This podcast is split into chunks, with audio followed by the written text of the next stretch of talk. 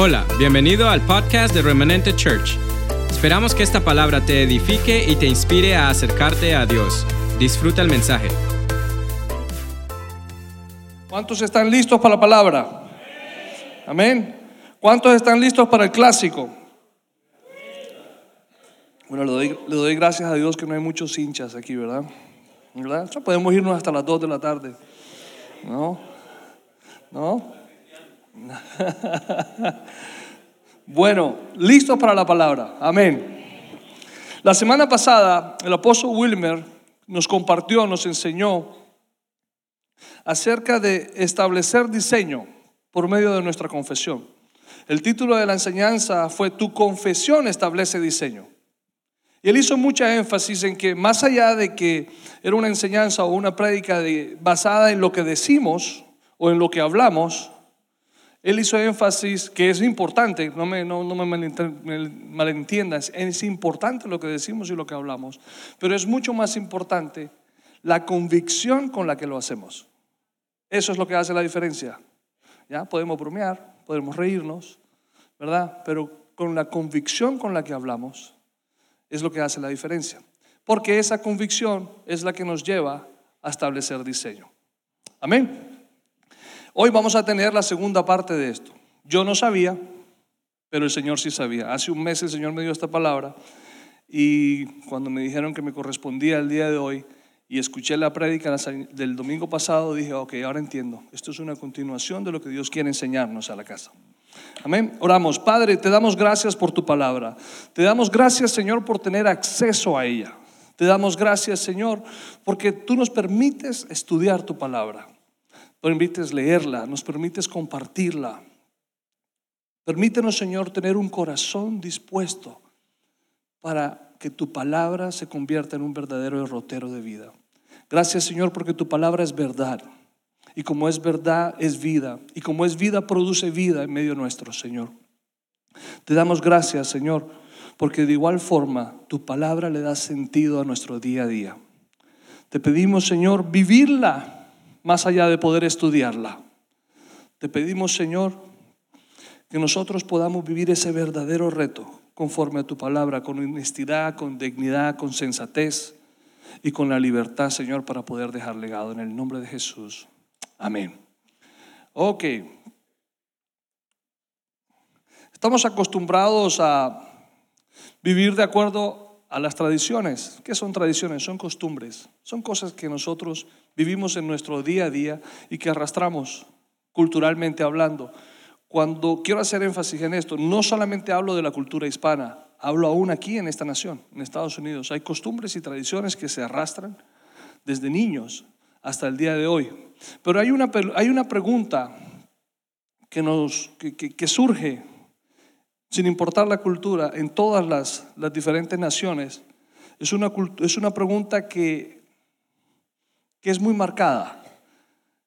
Es una pregunta que nos hacen los padres a nosotros, incluso nos hacen los maestros, y que por un momento también nosotros hemos llegado a hacerla. Nos acercamos al joven, al niño, y le preguntamos, ¿qué quieres ser cuando sea grande? Amén. Al que no le han hecho esa pregunta, Mm, yo creo que me está diciendo mentiras. Yo creo que a todos nos han hecho esa pregunta. Y creo que todos en un momento dado hemos hecho esa pregunta. ¿Qué quiere hacer cuando sea grande? Y si no la hemos llegado a pensar, ¿qué voy a hacer cuando sea grande?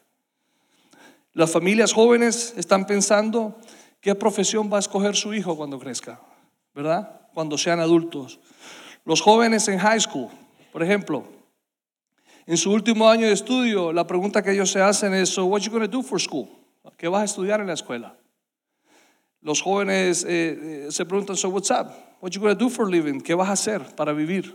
¿De qué vas a vivir? Esa es la pregunta más común y más normal. Hoy en día los jóvenes adultos, que yo les llamo jóvenes adultos desde los 21, 22 hasta los 31, 32, ya yo salí de ahí hace dos años, pero bueno, ni modo. A los 32, cuando van a un happy hour, perdón, a una, a una reunión social, qué pena, aquí nadie va a happy hours, eso sucedía en otros, en otros tiempos. ¿verdad? Pero la pregunta más común cuando se están conociendo y se están relacionando es, so hey, how you doing? My name is, mi nombre es tal, tal, tal. ¿Cuál es tu nombre? Mi nombre es tal.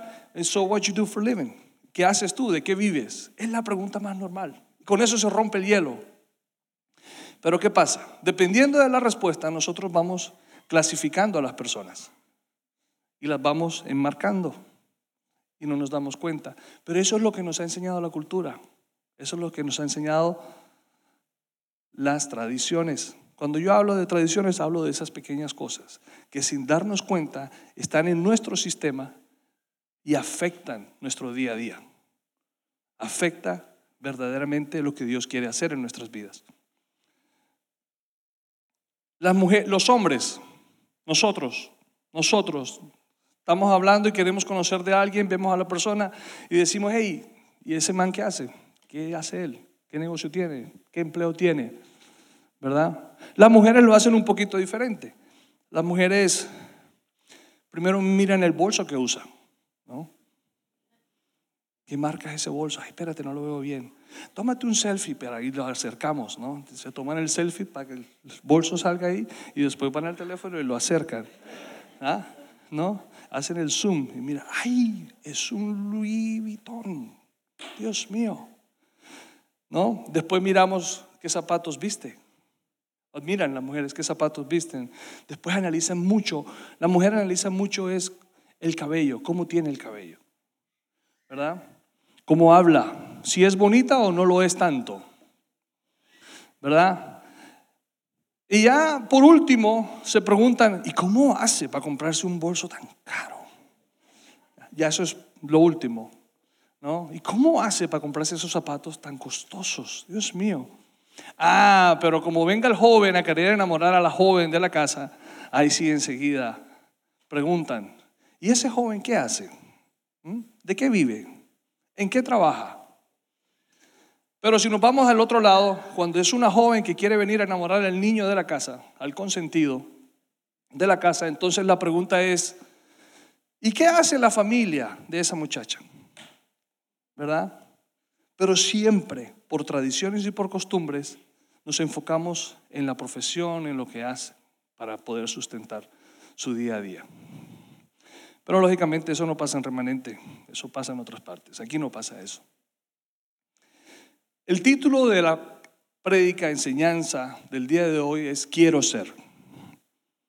Porque cuando respondemos esa pregunta decimos, yo quiero ser un policía, un bombero, un ingeniero, un maestro, un doctor. Quiero ser. Cuando mi mamá me preguntó, yo le dije, yo quiero tener negocios, tenía 10 años de edad. Pero fui creciendo y estaba convencido que iba a ser un jugador de fútbol profesional, convencido. Convencido, convencido. Fui creciendo y me casé a los 19 años. Y por aquí me mandaron a callar, pero no voy a mirar para allá. Estoy, mirando para allá, estoy hablando con ustedes allá. ¿Verdad? Eh, voy, a hacer un, voy a hacer un paréntesis aquí, lo dije en el primer servicio. Cuando mis hijos me dijeron que iban a tener bebés, y yo dije, no saben lo que están haciendo. Ellos ni se imaginan lo que están haciendo, ni se les cruza por la cabeza lo que están haciendo.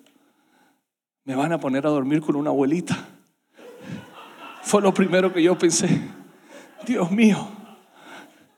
Pero hoy en día cuando yo veo a esa abuelita aquí arriba con esa voz de trompeta que tiene, yo digo, Señor, gracias por esa abuelita. Gracias, Señor porque una abuelita como esa me la peleo hasta el fin del mundo. Amén. Bueno. Pero bueno, sin darnos cuenta, volviendo otra vez, hemos confundido nuestra identidad con nuestra profesión.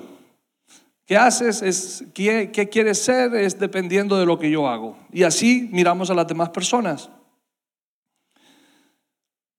Podemos llegar a ser tan fieles podemos llegar a ser tan leales a las tradiciones y a las costumbres y a las cosas que aprendemos en casa que no nos damos cuenta que frustramos el diseño de Dios para nuestras vidas.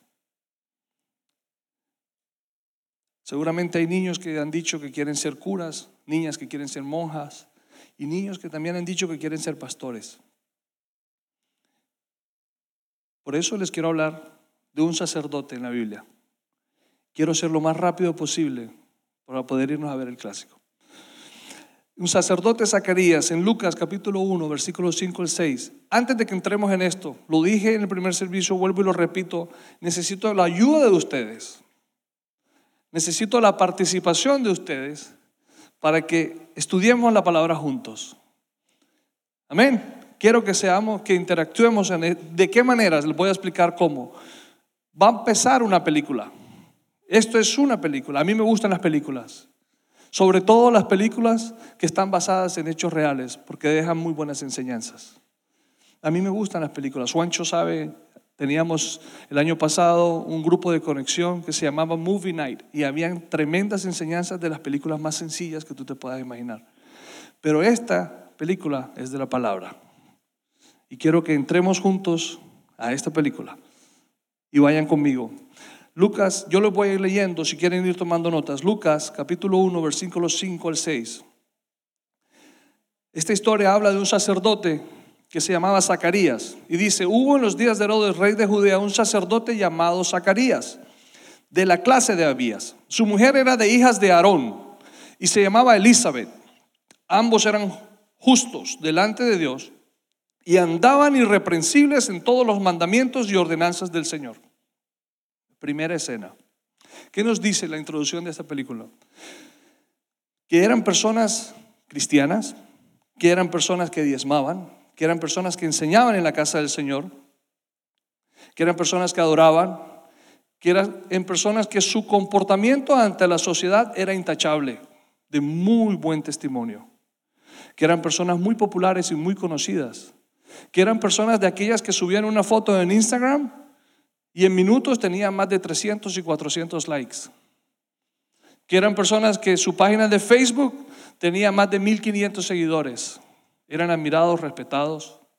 Eso es lo que nos dice la historia. Intachables. Hombres cristianos, mujer, mujer y hombre de Dios, cristianos que servían con muy buen testimonio.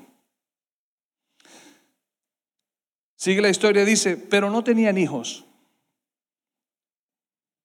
El escritor de esta película puso eso ahí en el libreto y dijo, pero no tenían hijos. ¿Por qué? Porque Elizabeth era estéril y ambos ya eran de avanzada edad. Como siempre, ¿verdad? Un pelo en la sopa. ¿Qué digo? Un pero en la historia, disculpen. Un pero en la historia.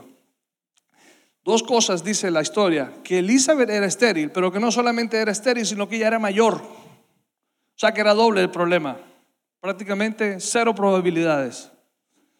¿Verdad? Pero a pesar de eso, a pesar de eso, en la primera parte, en la introducción, aunque en ese entonces a la mujer se le consideraba como una maldición no poder tener hijos, en la introducción de esta película no habla mal de ella, ni habla de que ella vive en maldición, ella vive en bendición. Es una cristiana, hija de Dios, que asiste a la iglesia, que diezma, que es fiel, que da testimonio de lo que es ser hijo de Dios pero era estéril. Aconteció que ejerciendo Zacarías el sacerdocio, o sea, trabajando Zacarías, era un sacerdote. Según el orden de su clase, le tocó en, suerte entrar conforme a la costumbre del sacerdocio en el santuario del Señor para ofrecer el incienso. Lo que esto quiere decir es lo siguiente, fácil para entenderlo, como cuando los grupos de ujieres o el grupo de alabanza que tenemos aquí se les entrega un horario para venir a servir los domingos, ellos saben cuando miran el calendario en qué fecha les corresponde y qué servicio les toca. Eso es todo lo que esto quiere decir. De acuerdo, en ese entonces, incluso hasta el día de hoy, eso está vigente y ese, ese horario de acuerdo a las familias sacerdotales lo escribió David. Entonces ellos lo seguían. Era un horario a cumplir. Entonces la familia de Zacarías le correspondía oficializar el servicio de alabanza ese día. Eso es todo. Eso es todo lo que dice ahí. O sea, le tocaba ir a trabajar ese día y él estaba en su trabajo, en su día a día. ¿Qué otras cosas puedo yo entender aquí? Que a pesar de que este hombre no había podido cumplir su sueño de ser padre y esta mujer no había podido cumplir su sueño de ser madre, ellos siguieron siendo fieles y siguieron sirviendo en la casa. Eso también me deja ver la historia. Él cumplió con su horario de trabajo. Las circunstancias que de pronto no estaban a favor de él, no le impidieron a él cumplir con sus responsabilidades. No se dejó de una manera u otra desanimar hasta el punto de dejar de hacer las cosas que le correspondían hacer.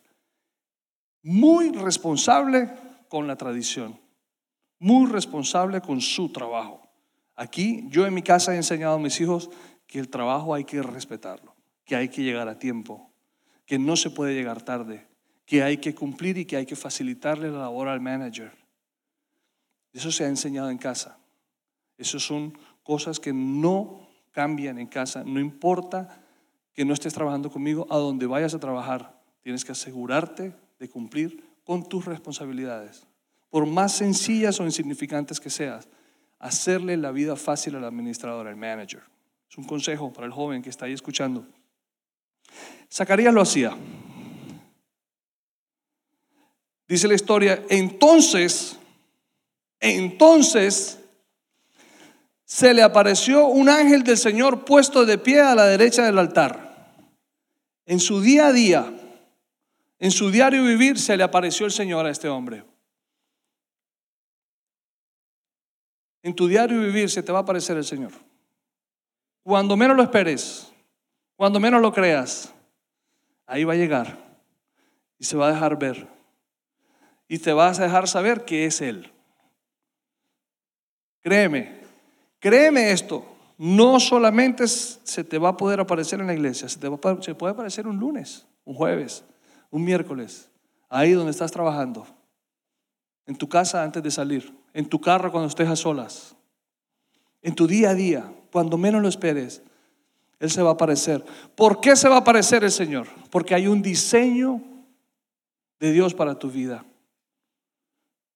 Hay un diseño que Él escribió para ti y para mí.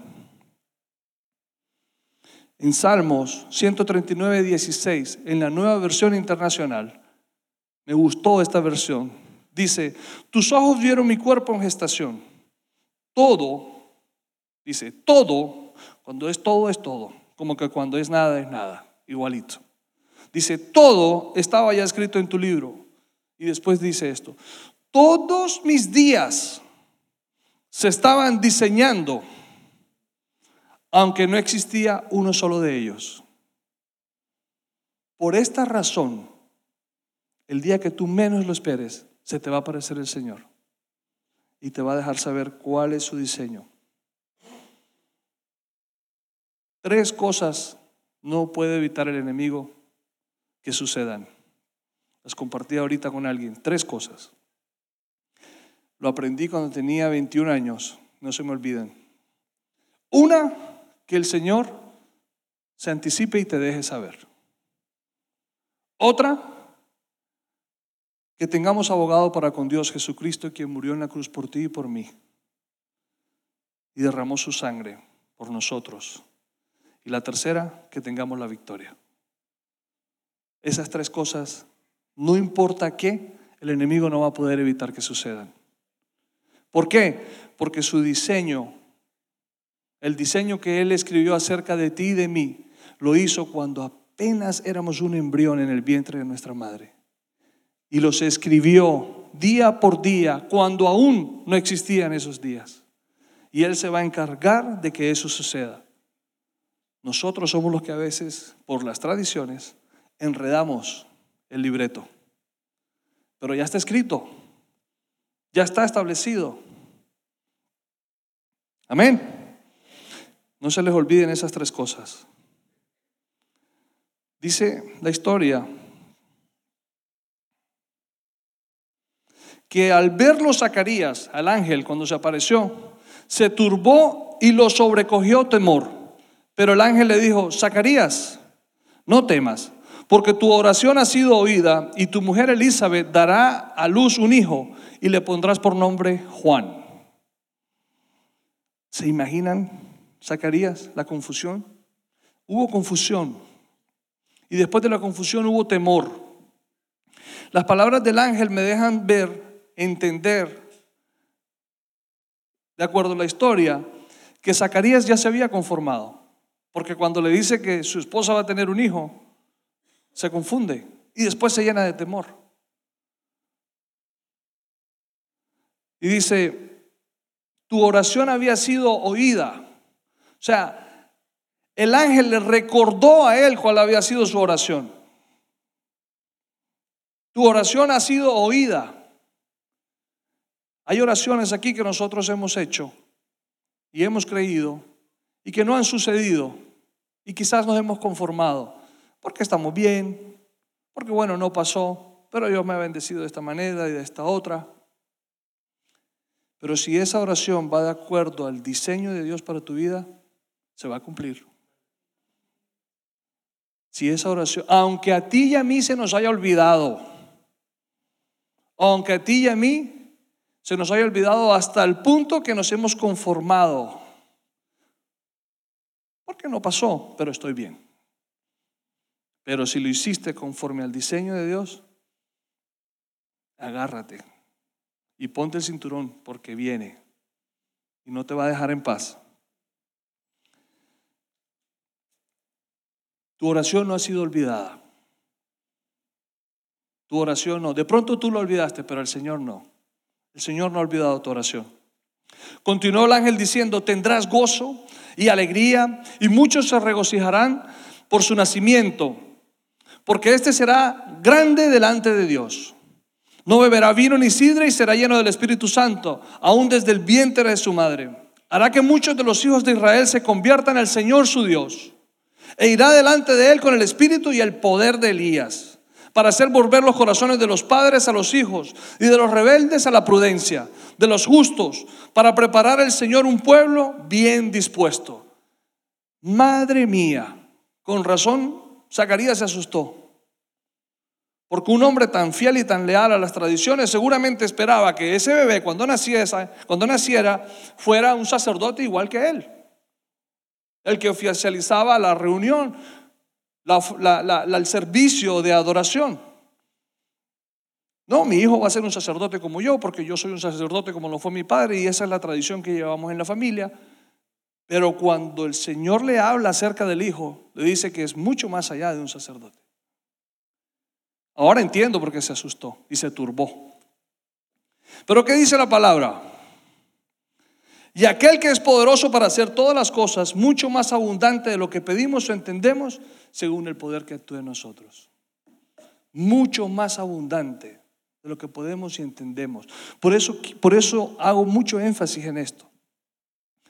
De acuerdo a lo que podemos y entendemos nosotros, no nos damos cuenta que aún viniendo a la iglesia, que aún escuchando la palabra, que aún diezmando, que aún sirviendo, queremos meter el reino de los cielos en nuestras tradiciones. Y no nos damos cuenta. El reino de los cielos, el que venimos y escuchamos y entendemos, el que leemos en nuestra casa, el reino de los cielos, que está basado en principios y no en reglas, queremos y lo queremos meter en nuestras tradiciones. Cuando el Señor dice la palabra que tiene mucho más abundantemente de lo que nosotros pedimos o entendemos, según el poder que actúa en nosotros, porque el reino de los cielos está en mí, en ti y en mí, porque Jesucristo habita en nosotros. Amén.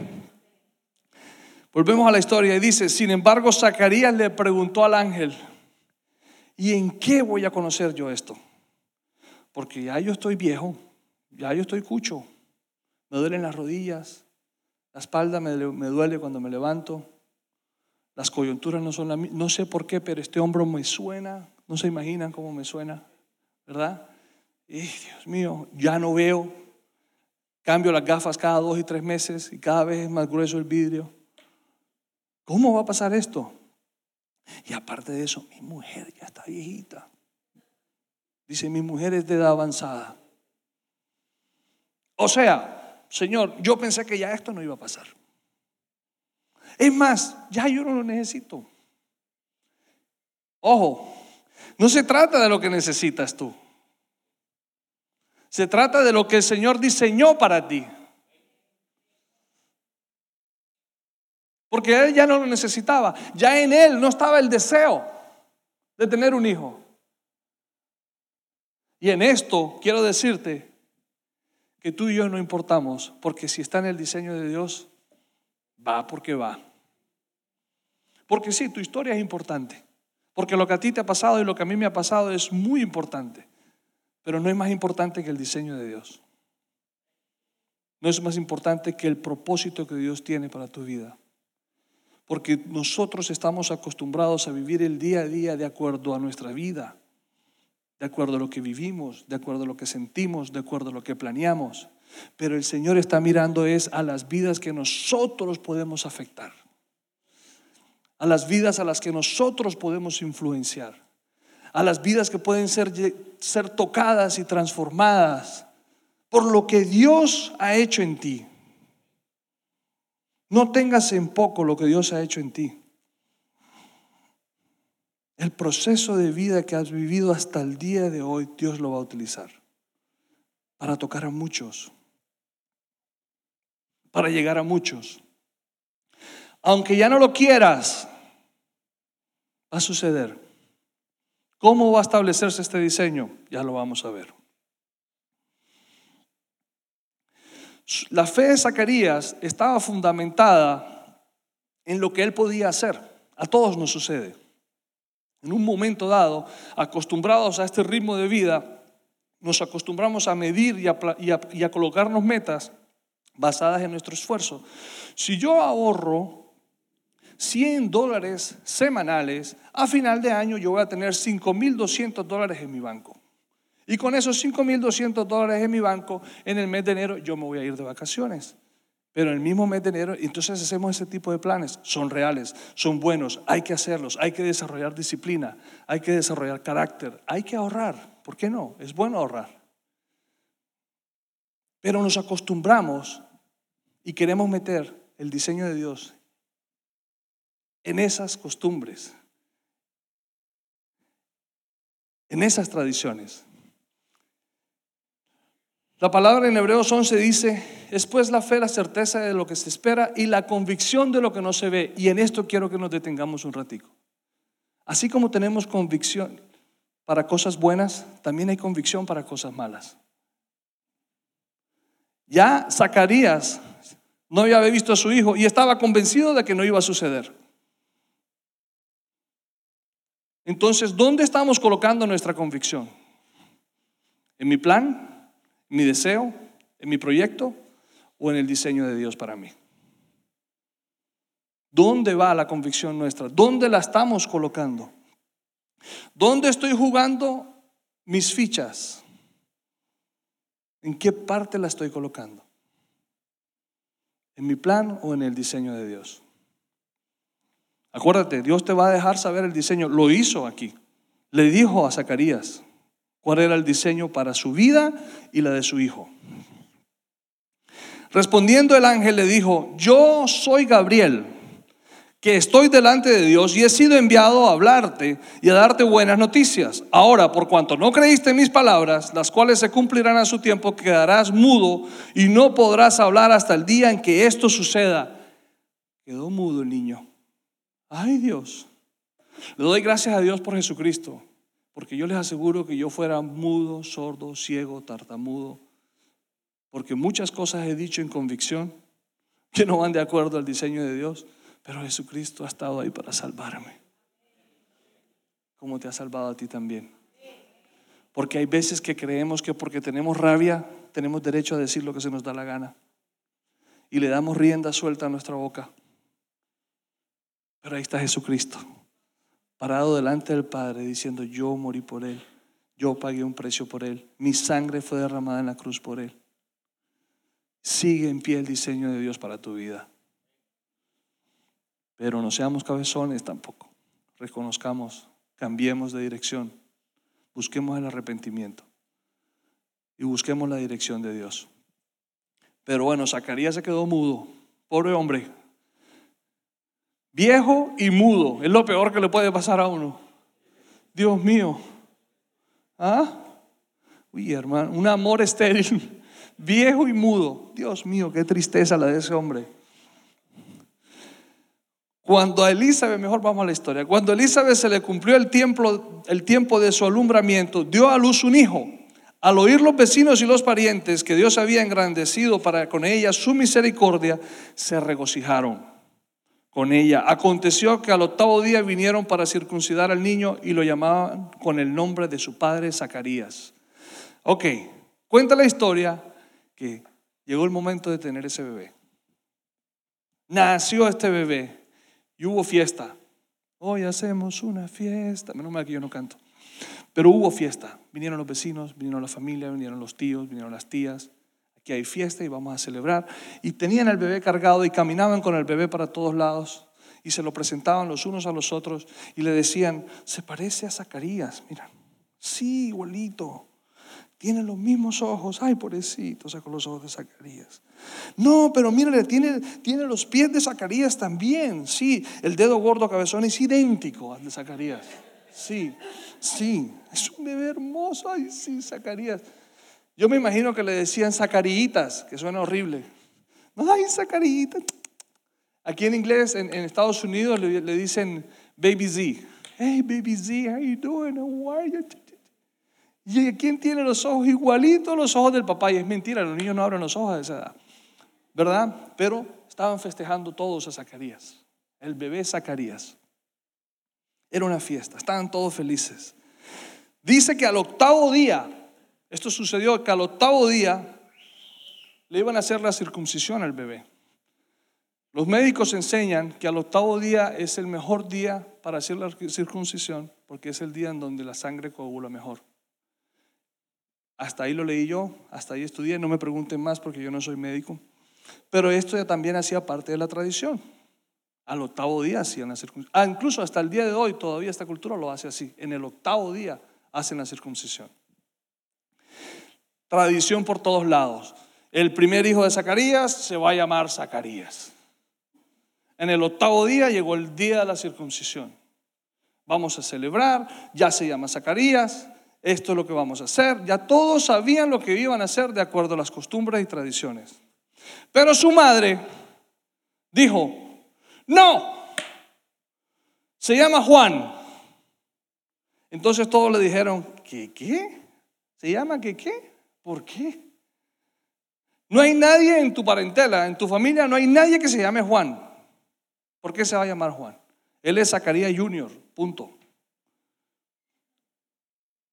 Entonces, vieron a esta mujer insistente, no, se va a llamar Juan, se va a llamar Juan, él no se puede llamar Zacarías. Entonces buscaron al viejo mudo, ¿verdad? Al viejito mudo lo buscaron. Y le dijeron, ¿qué le pasa a tu esposa? ¿Por qué le quiere poner Juan a tu bebé? Es tu bebé, se tiene que llamar Zacarías, tú te llamas Zacarías. ¿No? Tiene que llevar tu nombre, tiene que llevar tu legado, tiene que llevar, y va a ser lo que tú eres, un sacerdote. ¿Cómo te, te ocurre? ¿Qué tal atrevida le quiere poner Juan? Entonces el hombre desesperado mandó a pedir el iPad, porque como era mudo, mandó a pedir un iPad. ¿No? Tráigame el iPad. Porque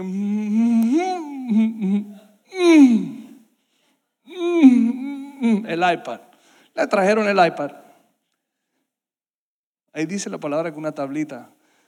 Un, un tablet le trajeron. Traduzcámoslo al inglés. ¿verdad? Le trajeron el iPad. Y él dice, Juan es su nombre. Lo escribió. Eso fue todo lo que puso. Juan es su nombre. Yo quisiera decir habló el mudo, pero es mentira, escribió el mudo. ¿no? Juan es su nombre. Inmediatamente dice la historia que todos se maravillaron. Todos se sorprendieron, todos quedaron, Juan, qué?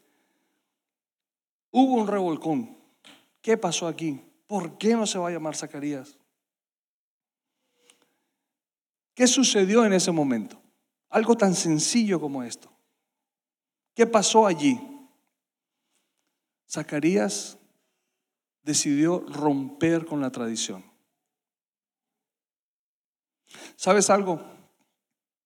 Hay veces que el milagro no es suficiente para alinearnos con el diseño de Dios. ¿Por qué el Señor enmudeció a Zacarías hasta este momento? Porque como era un hombre intachable, que respetaba la ley y así como respetaba la ley la palabra, respetaba las tradiciones, él le iba a poner Zacarías a su bebé. Pero el diseño de Dios decía que se llamaba Juan, no Zacarías. Hay veces que creemos que porque venimos a la iglesia y diezmamos y servimos y adoramos. Y no fallamos a los dos servicios. Y venimos al servicio de jóvenes también a apoyar. Y no nos perdemos una sola reunión de las mujeres, creemos que estamos caminando en el diseño, en el, diseño que Dios hizo para nosotros. Hay veces que recibimos un milagro y creemos que estamos caminando en el diseño de Dios para nosotros. Para Dios no es problema darnos el milagro. Dios es un Dios de milagros. Dios es un Dios de imposibles. Dios puede cambiar las leyes hoy en día por ti y por mí. Dios por tu familia puede pelear hasta la muerte y lo hizo hasta la muerte. Por tu familia te puede cambiar de una nación a otra. Por tu familia puede traer gente que tú no has conocido para servirte. Para Él el milagro es lo de menos. Eso es lo de menos. Para Él que Elizabeth tuviera un bebé es lo de menos. El problema estaba en la terquedad de Zacarías, en estar aferrado a las tradiciones. Es más fácil vivir el reino que vivir en las costumbres de nosotros. el reino es de principios. Lo dije en el primer servicio y lo digo ahora. La idea de venir un domingo y preparar esto y compartirlo con ustedes es que ustedes puedan entenderlo de una manera simple y sencilla para que el jueves, el miércoles, el lunes, el martes, el viernes no se les olvide. Para que cuando estén allá afuera entiendan la sencilla de la palabra, la sencillez de la palabra, pero el poder que hay en ella misma. Para ti, joven, hay un principio que dice que el que honra a padre y madre tendrá largos días de vida y todo lo que emprenda le va a ir bien. Eso es un principio. Y es sencillo. Joven, es sencillo. Ahí no te dice, incluso a ti adulto, ahí no te dice, si tu papá fue bueno contigo, entonces tú tienes que honrar a tu papá. Ahí no te dice, porque tu mamá te sirvió el desayuno todas las mañanas, entonces tú tienes que honrar a tu mamá. Ahí no te dice eso. Ahí te dice que honres y punto, sin importar qué hicieron, qué no hicieron. No le podemos pedir mangos a un árbol de fresas. Yo no le puedo pedir a mi papá que me dé el amor que no me dio cuando a él ni siquiera conoció y escuchó esa palabra amor. Yo no le puedo pedir a mi mamá que me dé el cariño que a ella no le dieron. Pero la palabra dice que si yo la honro a ella, que si yo lo honro a Él, entonces tendré largos días de vida. Y todo lo que yo haga me va a ir bien. Honra a tu mami, honra a tu papi. ¿Quieres ser un buen... Esto no está aquí. ¿Quieres ser un buen padre para tu hijo? Asegúrate de ser un buen hijo para tu padre. ¿Quieres ser una buena madre para tu hija? Empieza hoy a ser una mejor hija para con tu madre. Honrala. Y eso va a llegar a su orden como tiene que ser. Amén. Ya me están haciendo señas allá del partido de béisbol.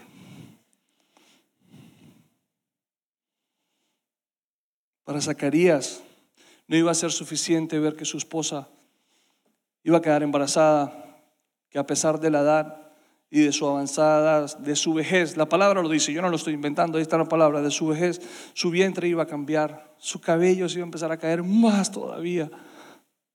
Para Zacarías no iba a ser suficiente eso, para que su corazón se alineara con el propósito de Dios, con el diseño de Dios.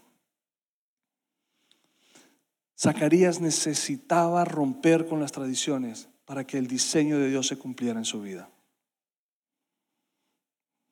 Dice la historia que cuando él escribe su nombre es Juan, mandó a volar las tradiciones, las deshizo. Y en ese momento su boca fue abierta y suelta su lengua. Eso quiere decir que el Señor le cerró los labios y le amarró la lengua. Dios mío. Porque en la lengua está el poder de la muerte y de la vida. Pero no de la vida física, de la muerte y de la vida del diseño de Dios para ti. De eso es lo que habla la palabra. Del diseño de Dios para ti. De ese que le escribió cuando eras un embrión. Y comenzó a bendecir a Dios. La película cuenta que se llenaron todos los vecinos de temor, porque ya se habían acostumbrado que el viejito no hablaba, pero empezó a hablar y empezó a bendecir al Señor. Y en todas las montañas de Judea se divulgaron todas estas cosas. Los que las oían las guardaban en su corazón diciendo, ¿quién pues será este niño? Y la mano del Señor estaba con él. En ese momento su corazón cambió. Y entonces su confesión pudo establecer destino. En el momento en el que el corazón de Zacarías cambia y manda a la basura las costumbres y las tradiciones, su corazón estableció destino. Vamos a establecer destino a partir de lo que confesemos. Sí, es cierto. Pero la palabra dice que de la abundancia del corazón habla la boca. La palabra nos enseña que de lo que hay aquí es de lo que hablamos. Amén.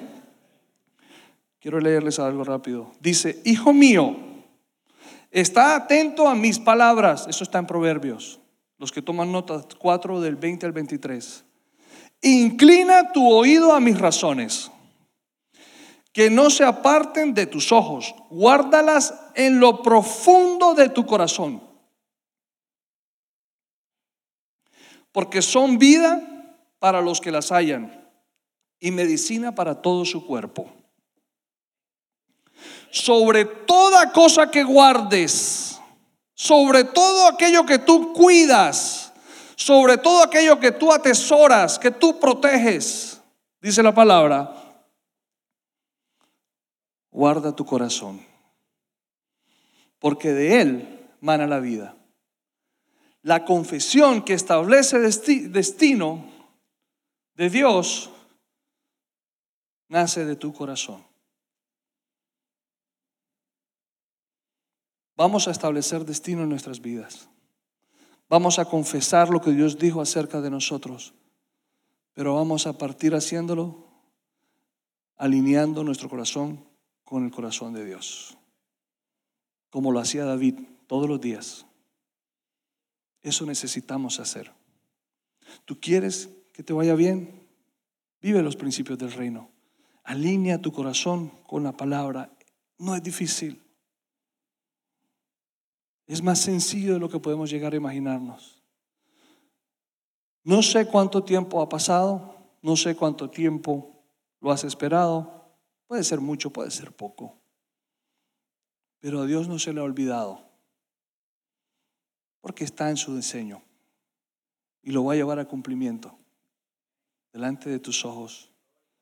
Cuando alineas tu corazón con el corazón de Dios, no solamente liberas el diseño para tu vida, sino liberas el diseño para tus hijos. No solo se trata de ti, ahí se ve. No solamente se trataba de Zacarías, sino de la vida de Juan. Pero ¿qué dice la palabra acerca de la vida de Juan? Que iba a ir delante de Jesús abriendo camino. ¿A cuántos tocó Juan? Todo partió en el momento en el que Zacarías votó a la basura las tradiciones. No en el momento en el que Elizabeth quedó embarazada. No en el momento en el que el milagro sucedió. Todo partió en el momento en el que Él desecha las costumbres y las tradiciones en las que queremos vivir. Liberó el destino sobre la vida de Juan. ¿Saben algo? No lo había pensado, pero cuando Zacarías hizo eso, liberó el destino sobre tu vida, sobre mi vida. Porque Juan le abrió camino a Jesús. Y por Jesús, tú y yo estamos aquí sentados. Así de importante fue lo que Zacarías hizo. Así de importante puede llegar a ser lo que tú y yo necesitamos hacer con nuestras costumbres y nuestras tradiciones. Son basura. Son cadenas que nos detienen. Nos enredan. Nos autodescalificamos y creemos que estamos en lo correcto, cuando es todo lo contrario. Ya vamos a cerrar. Me gustaría que por favor se colocaran de pie. Vamos a orar. Vamos a declarar destino sobre nuestras vidas. Vamos a ver la gloria de Dios en nuestras vidas.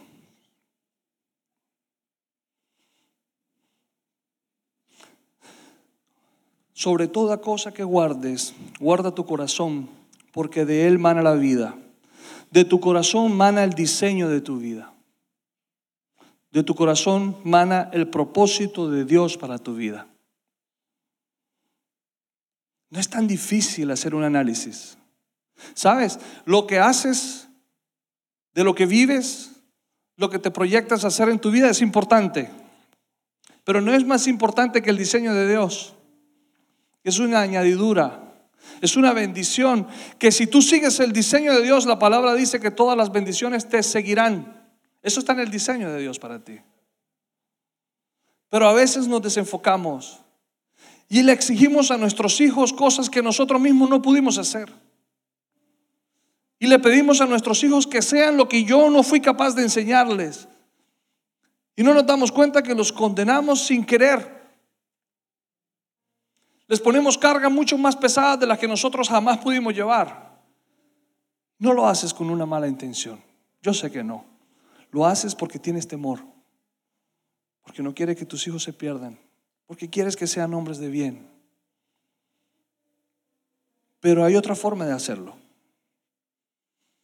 Como lo hizo Zacarías.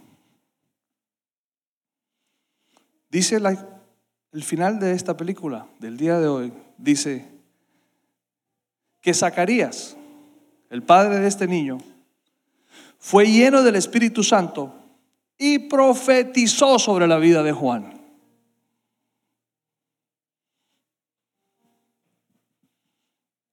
¿Tú quieres afectar tu vida, la vida de tus hijos, la vida de tus nietos? Asegúrate de estar lleno del Espíritu Santo. Eso está en tu diseño. Inclina tu rostro, levanta tus manos y recibe ahora la llenura del Espíritu Santo de Dios. No quiero a nadie moviéndose. Nadie. Porque en esta hora, he aquí que el Espíritu Santo de Dios es cual cirujano que está operando en la, en la cama, en la mesa de un hospital,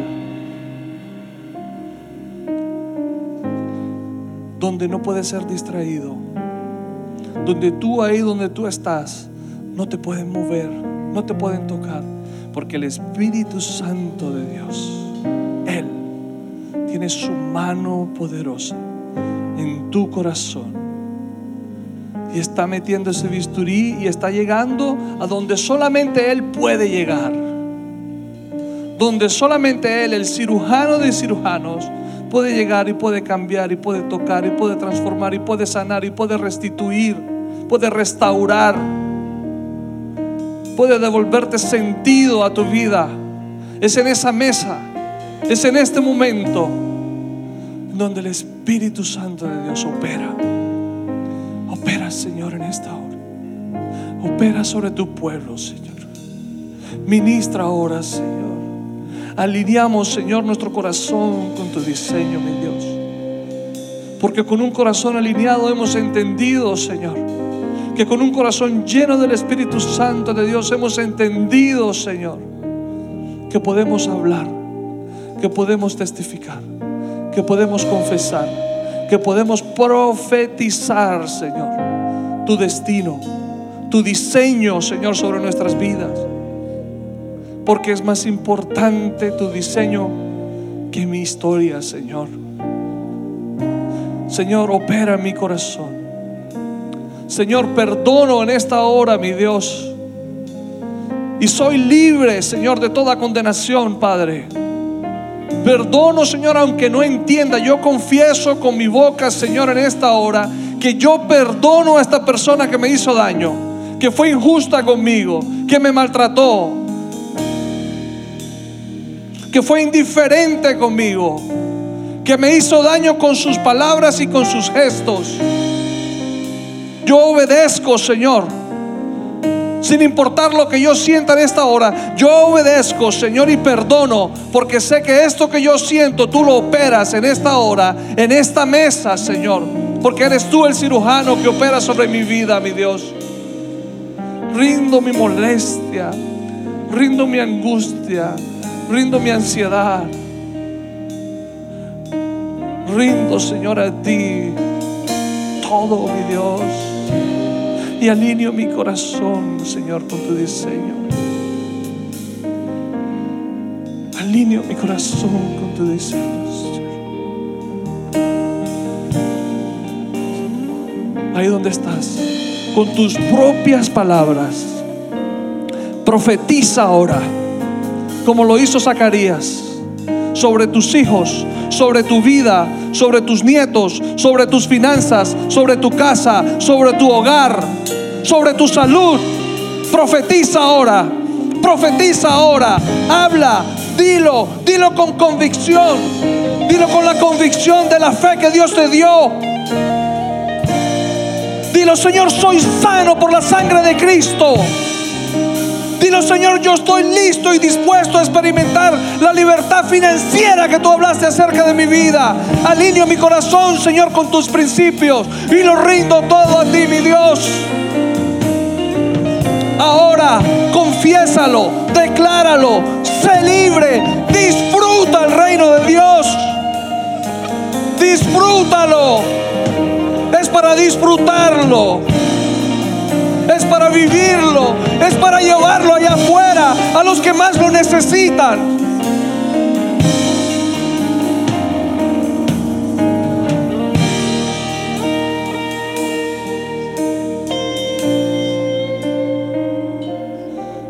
Cuando se trata de tu vida y de mi vida, a tu Padre, a mi Padre que está en los cielos, no lo toman por sorpresa porque Él lo escribió todo. Aun cuando los días no existan todavía enfrente nuestro, porque el mañana no ha llegado, ten la certeza en tu corazón que Él ya lo escribió y te dio la victoria. Padre, en el nombre de Jesús, yo oro en esta mañana, esta tarde ya, mi Dios. Y yo declaro tu victoria, Señor. Yo declaro, Señor, que voy a ver la victoria en mi vida, mi Dios. Yo profetizo sobre mis hijos. Yo profetizo que serán hombres de bien. Yo profetizo que serán mujeres exitosas, que tienen voz de trompeta, que lleva y establecen el reino de los cielos aquí en la tierra. Yo profetizo sanidad, yo profetizo libertad financiera, Señor. Yo profetizo negocios. Yo profetizo salud. Yo profetizo abundancia sobre esa casa, Señor. Sobre cada uno de los que aquí estamos, mi Señor. Porque somos la generación que lleva la bandera y que establece el reino de los cielos aquí en la tierra. En el nombre de Jesús.